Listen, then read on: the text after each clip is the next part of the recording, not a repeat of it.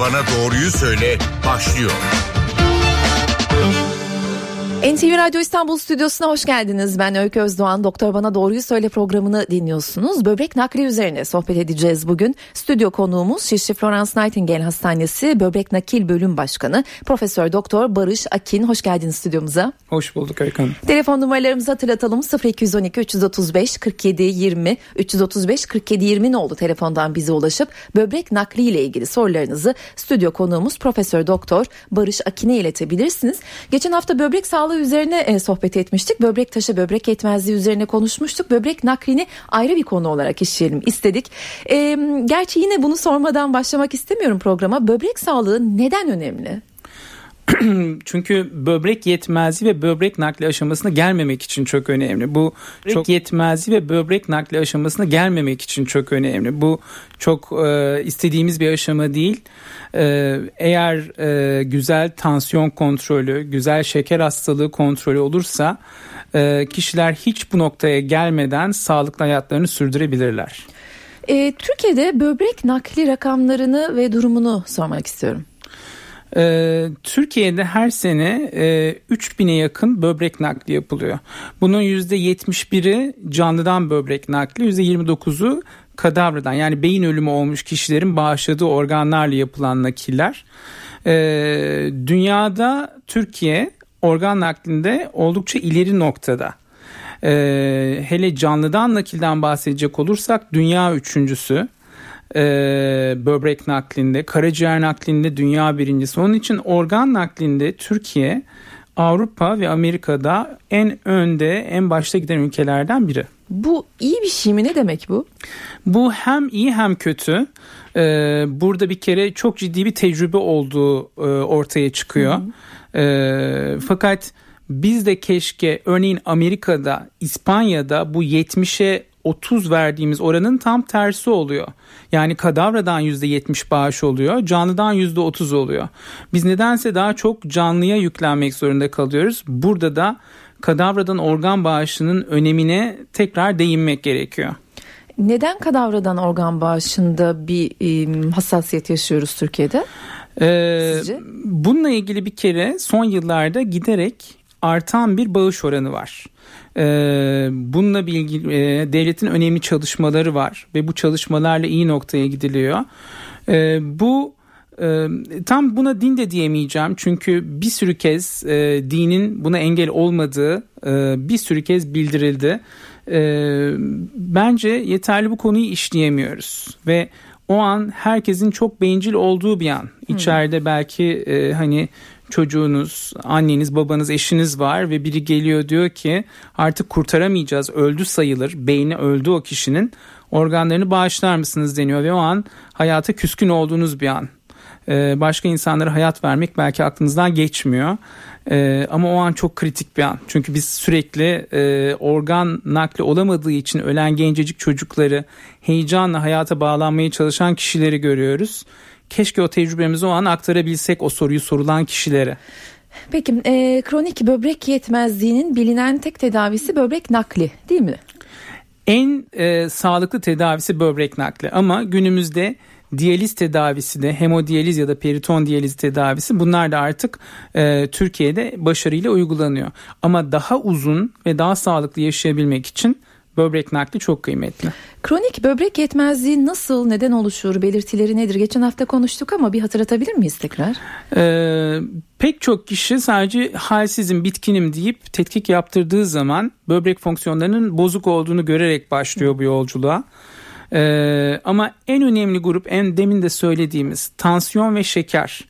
Bunlar vücuda yavaş yavaş zarar veriyorlar ama 10 yıl 20 yıl sonra sadece böbrek değil diğer organları da zarar veriyor ama böbrek artık bitmiş olduğu zaman ne yazık ki artık böbrek yetmezliği gelişiyor ve nakil yolculuğu başlaması gerekiyor. Ee, önce telefon numaramızı hatırlatayım 0212 335 47 20 Profesör Doktor Barış Akin'le böbrek nakli üzerine sohbet ediyoruz. Sorularınızı 335 47 20 oldu telefona iletebilirsiniz. Herkes böbrek nakli olabiliyor mu? Ee, hemen hemen herkes olabilir. Ee, bazı grupları ayırmak lazım. Örneğin kanser hastaları böbrek nakli olamaz. Ciddi enfeksiyon hastalığı olan kişiler olamaz. Çünkü bağışıklık sistemini baskılayıcı ilaçlar kullanılıyor nakilden sonra. E, çok ileri derecede kalp hastalığı olanlar. Bunlar ama çok kısıtlı bir grup. Aslında hemen hemen herkes böbrek nakli olabilir. Peki bu aşamaya gelmemek için böbrek nakil aşamasına gelmemek için ne yapmak gerekiyor? Tansiyon dediniz üstüne basa basa evet. ama e, tansiyon ve şeker bunlar çok önemli. Özellikle böbrek fonksiyon tetkikleri yüksek olan böbreğinde bozukluk olduğu düşünülen kişilerin nefroloji doktorları yani özellikle böbrekle ilgili olan dahiliye branşı bu doktorlar tarafından takip edilmesi lazım.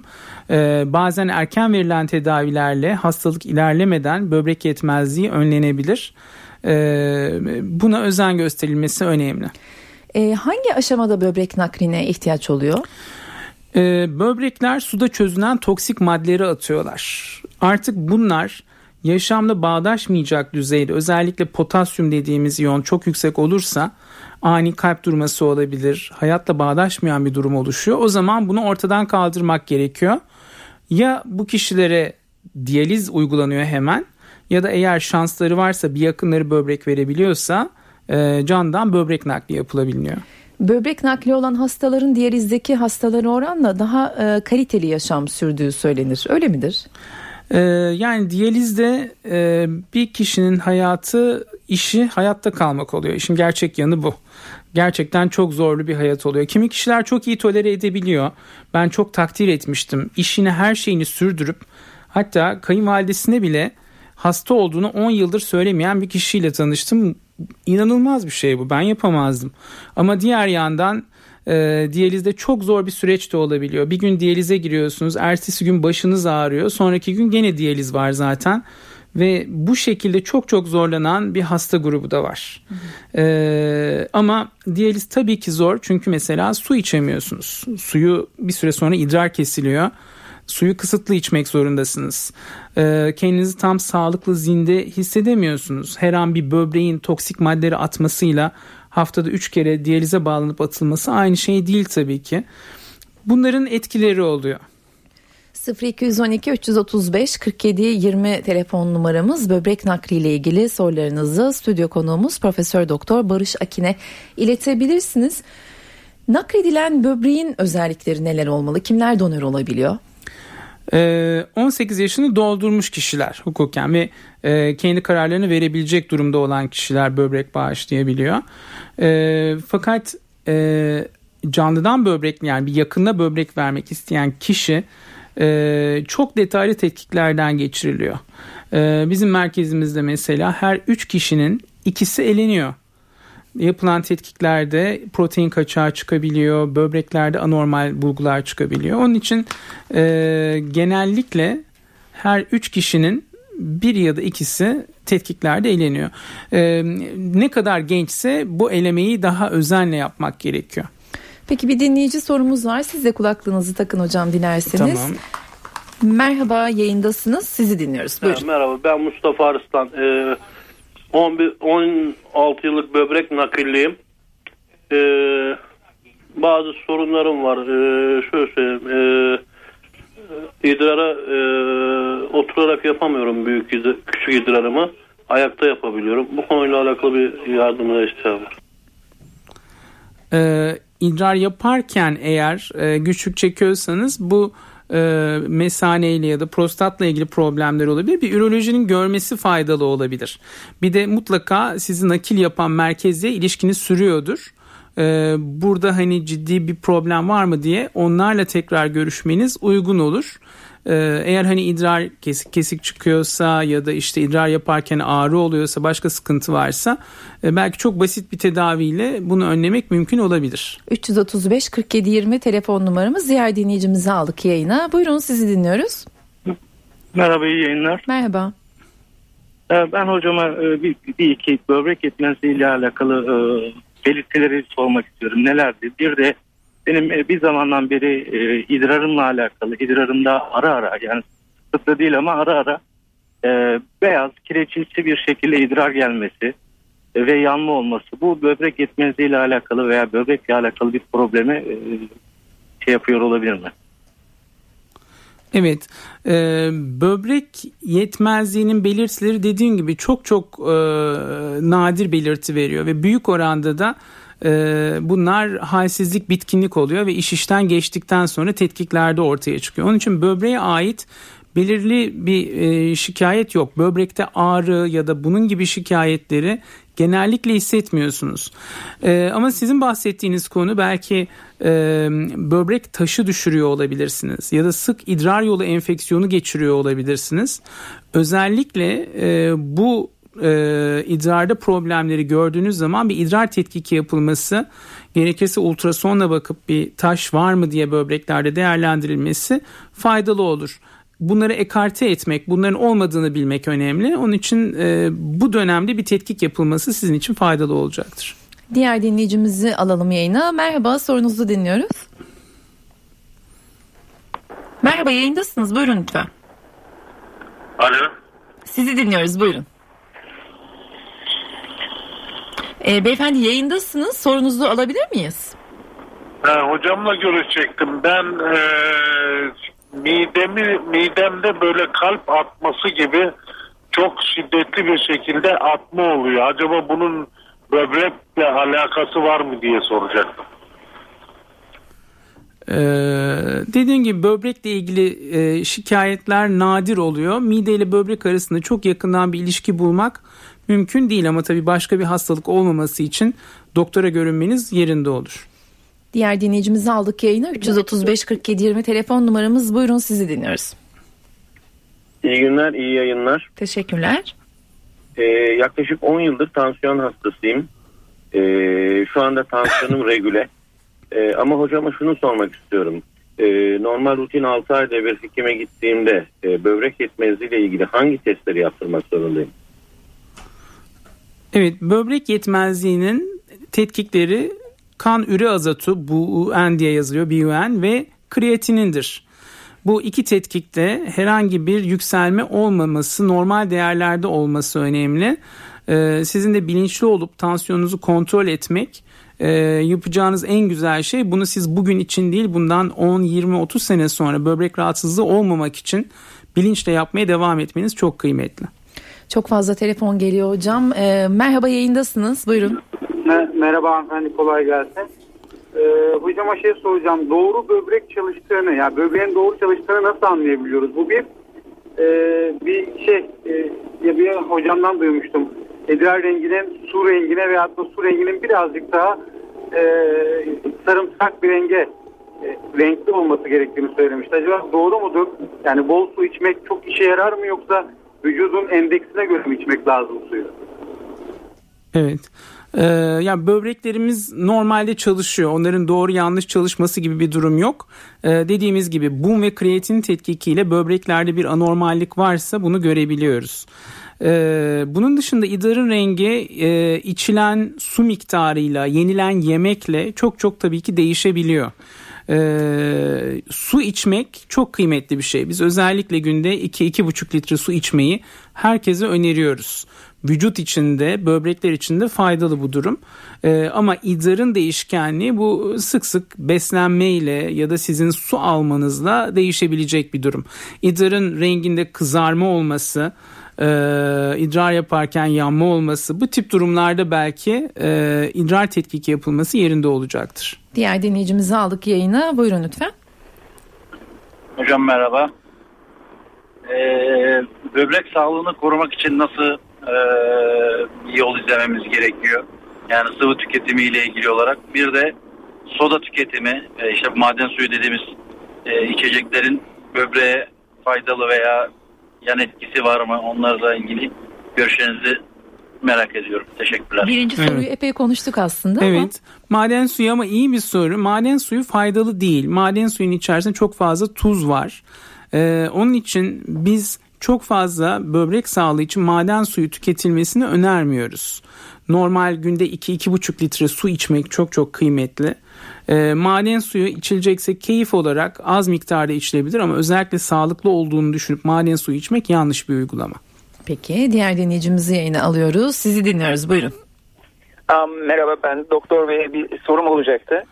Ee, sabaha karşı 5-6 gibi e, belime vuran bir ağrıyla kalkıyorum. E, sanki idrar sıkıntısıymış gibi. E, idrara kalktığımda da öyle çok ciddi bir boşalma olmuyor. Ama bu yaklaşık bir seneden beri sürüyor. E, PSH testi yaptırdım. Bir şey çıkmadı. İşte ultrason görüntüleme yaptırdım. Bir şey çıkmadı. E, bir iki ağrı kesiciyle geçiştirildiğinde de e, ilaçların bittiğinde tekrar nüksediyor. Yaklaşık 5-6 aydan beri de hep aynı saatte kurulmuş gibi o ağrıyla kalkıyorum ben. Fakat ağrı sonrasında e, gün içerisinde yani bir saat sonra falan geçiyor. Evet. Ee, bunun tabii daha iyi değerlendirmek gerekebilir. Şu anda yorum yapmak çok zor. Merak etmeyin bir şey olmaz demek doğru değil.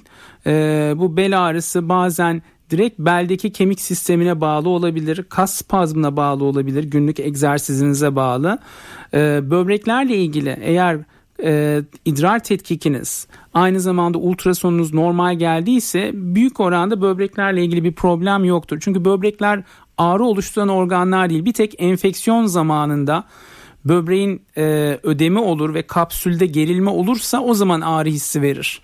E, sizde ama ne ateş ne başka bir şey yok anladığım kadarıyla enfeksiyon durumu yok. Onun için bu ağrının böbrekten kaynaklı olduğunu düşünmek çok zor. Diğer dinleyicimizi alalım yayına. Buyurun sizi dinliyoruz. Aa, iyi günler, iyi yayınlar. Teşekkürler. Alo. Hocam e, benim annemin böbreğinin birisi çalışmıyor. E, diğer böbreğin de 3 ayda bir, 4 ayda bir kontrollerini yapıyoruz. O bir böbreğin hiçbir fonksiyonu yok. Bazı doktorlar aldırın o birine fonksiyonu olmayanı zaten küçük bir parça haline gelmiş. Bazıları da gerek yok yaşı da 65 falan gereksiz bir e, operasyon olmasın diye. Böyle idare edilir. Bunu aldırmamız mı doğru yoksa kalması mı doğru hocam? Ee, gereksiz yere ameliyat yapılması taraftarı ben de değilim. Eğer tansiyon ya da başka bir problemi yoksa zaten küçülmüş bir böbreğin alınması için ameliyat yapmak çok gerekli değil. Burada ben çok kısa başka bir şeye bahsetmek istiyorum. Sizin annenizde olduğu gibi e, yakınlarına böbrek bağışlayan kişilerde de e, onlar da tek böbrekli kalıyorlar ve herkes de tek böbrekli kalmak, yarım kalmak diye düşünüyor. Sizin annenizle ilgili verdiğiniz örnek gibi ve toplumda her 400 kişiden bir kişi tek böbrekli doğuyor. Bu insanlar sağlıklı hayatını sürdürebiliyorlar. Aynı şekilde böbreğini bağışlayan kişiler de hayatlarını sağlıklı sürdürebiliyorlar. Kimse böbreğini verip yarım kalmıyor. Onun için e, bu küçük bilgiyi de bu arada e, eklemek istiyorum. 335 47 20 telefon numaramız. E, böbrek nakli nasıl bir e, operasyondur? Ne kadar sürer? Hasta kaç günde taburcu olur? Kaç günde günlük hayata karışabilir? Ee, böbrek nakli eğer canlıdan nakil yapıyorsak ameliyat süresi aslında hem alıcı hem verici için 2 saat. Ama tüm hazırlıklar 4-5 saati buluyor. İki ameliyat birbirinin içine geçiyor. Ee, artık %100'e yakın başarı oranı var Türkiye'de. Canlıdan nakilde çok tecrübe olduğu için de. Ee, ve böbrek naklinde e, verici olan kişi uygulanan artık pek çok merkezde e, endoskopik yani kapalı yöntemle böbrek çıkarılıyor. 2-3 günde böbreğini veren kişi eve gidebiliyor. E, ve e, alıcı da 5-6 gün içerisinde evine gidebiliyor. Ee, böbrek nakli ameliyat ben cerrahım aslında hani bunu ballandıra ballandıra anlatmam lazım ama esas numara burada değil. Esas numara çok iyi nakil öncesi hazırlık yapmak, her şeyi önceden kurgulamak ve ondan sonra da çok iyi bir nakil sonrası takip programıyla bu böbreğin 1-2 değil 10, 15, 20 yıl sağlıklı çalışmasını sağlamak lazım. Çok fazla telefon var. Son 6 e, dakika nasıl yetiştireceğiz bilmiyorum ama buyurun yayındasınız. Merhaba. Merhabalar, kolay gelsin. Teşekkürler, buyurun sizi dinliyoruz. Doktor benim sorum olacaktı. Ee, günde tüketimiyle alakalı e, iki iki buçuk litre su içmemiz gerektiğini söylemiş doktor bey ama e, ben hiç su içmiyorum. E, hemen hemen neredeyse hiç susamıyorum da. Bununla ilgili ileride çok büyük problem olur mu? Şu anda herhangi bir sıkıntısını çekmiyorum ama bununla ilgili görüşlerini alacaktım. genelde herkes bu şekilde yaklaşıyor. Ee, ihtiyaç duymuyorsunuz ama bu bir alışkanlık. Ee, onun için eğer su içerseniz daha sağlıklı olacağını, vücudunuzdaki ödemin daha çok azalacağını, kendinizi daha iyi hissedeceğinizi düşünüyorum. Onu bence çaba harcayıp günde en azından 2 litre su içebilmeye çalışmak e, sağlıklı bir yaklaşım olacaktır. Diğer dinleyiciyi aldık yayına. Sorunuzu dinleyelim hızlıca lütfen. Merhabalar. Ee, annemde böbrek küçülmesi var ve buna bağlı olarak da ağrı hissediyor. Bununla ilgili olarak bir tedbir var mıdır? Onu öğrenmek istiyorum hocam.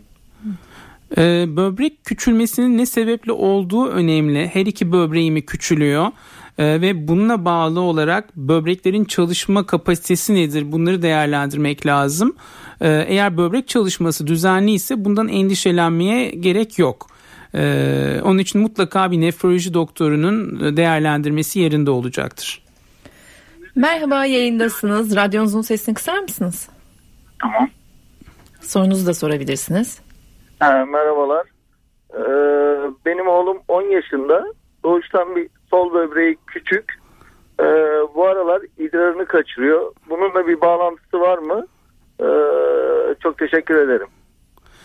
Ee, bununla alakalı olmayabilir ama idrar yolu enfeksiyonu olabilir. Mesane ile ilgili bazı problemler olabilir.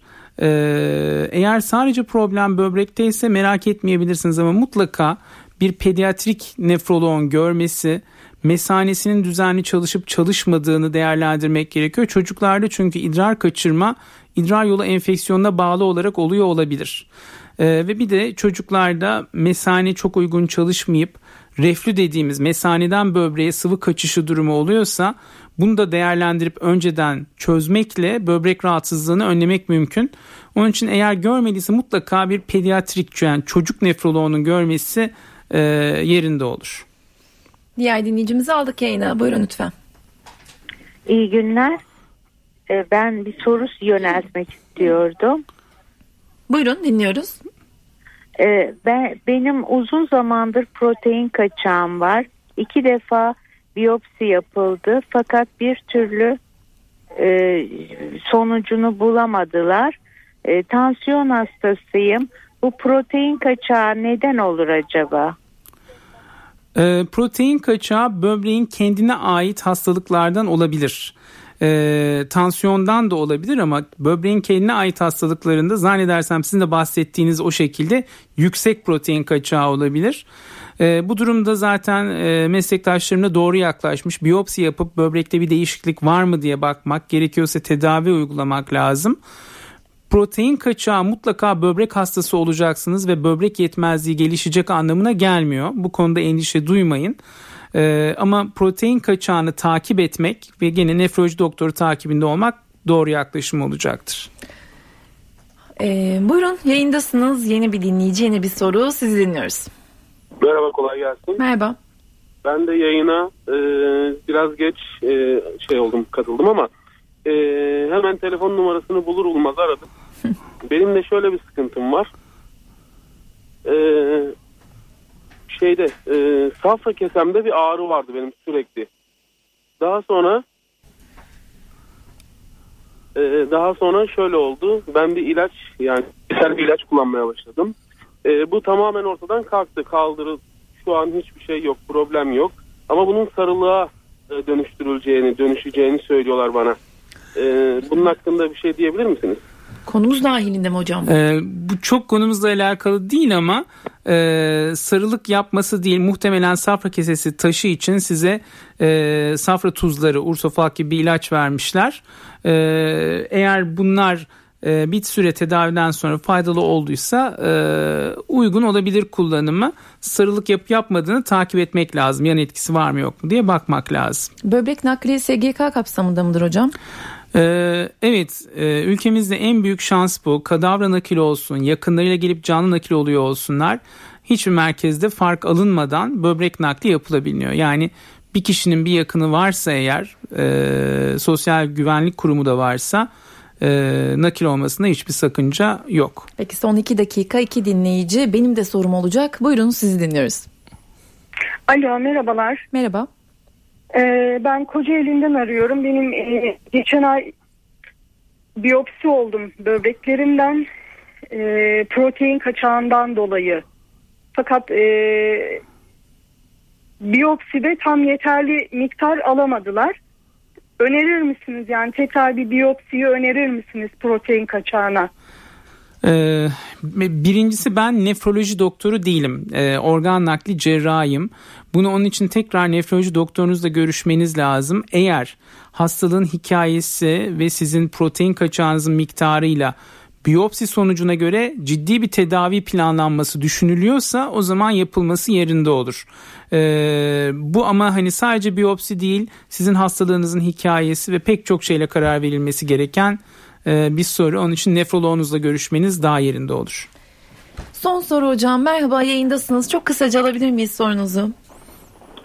Ee, benim midemde böyle kalp atışı gibi hızlı tempolu bir atış oluyor. Acaba böbrekle alakası var mı diye soracaktım hocam. Ee, böbrekle değil ama kalple ilgili olmasını siz de söylediniz. Onun için mutlaka e, hani bir kalp doktorunun görmesi aritmi ya da başka bir problem olmadığını değerlendirilmesi yerinde olur. Nasıl gerekiyor? Ee, böbrek naklinden sonra kullanılan ilaçlar var. Bu ilaçları düzenli kullanması önemli ama bir süre sonra zaten hastalar doktor da oluyorlar. Hı hı. Nakil sonrası bizim takip programımızdaki hastalar ne zaman neyi bildireceklerini çok iyi biliyorlar. Özellikle enfeksiyon durumunda e, ya da çok aşırı halsizlik ya da idrarın azalması gibi durumlarda bizi hemen bilgilendiriyorlar. Ne güzel ki Amerika'da olduğum dönemde mesela 25. yılını kutladığımız nakil vardı. Biz burada e, 11. yılını kutladığımız nakiller var. Nakilden sonra artık sağlıklı yaşamak e, çok çok kolay ulaşılır bir noktaya geldi. Peki çok teşekkürler programa konuk olduğunuz ben için. Ben de teşekkür ederim. Sağ Şişli Florence Nightingale Hastanesi Böbrek Nakil Bölüm Başkanı Profesör Doktor Barış Akin konuğumuzdu. Ben Öykü Özdoğan. Önümüzdeki hafta bir başka konu ve konukla yayında olacağız. Hoşçakalın.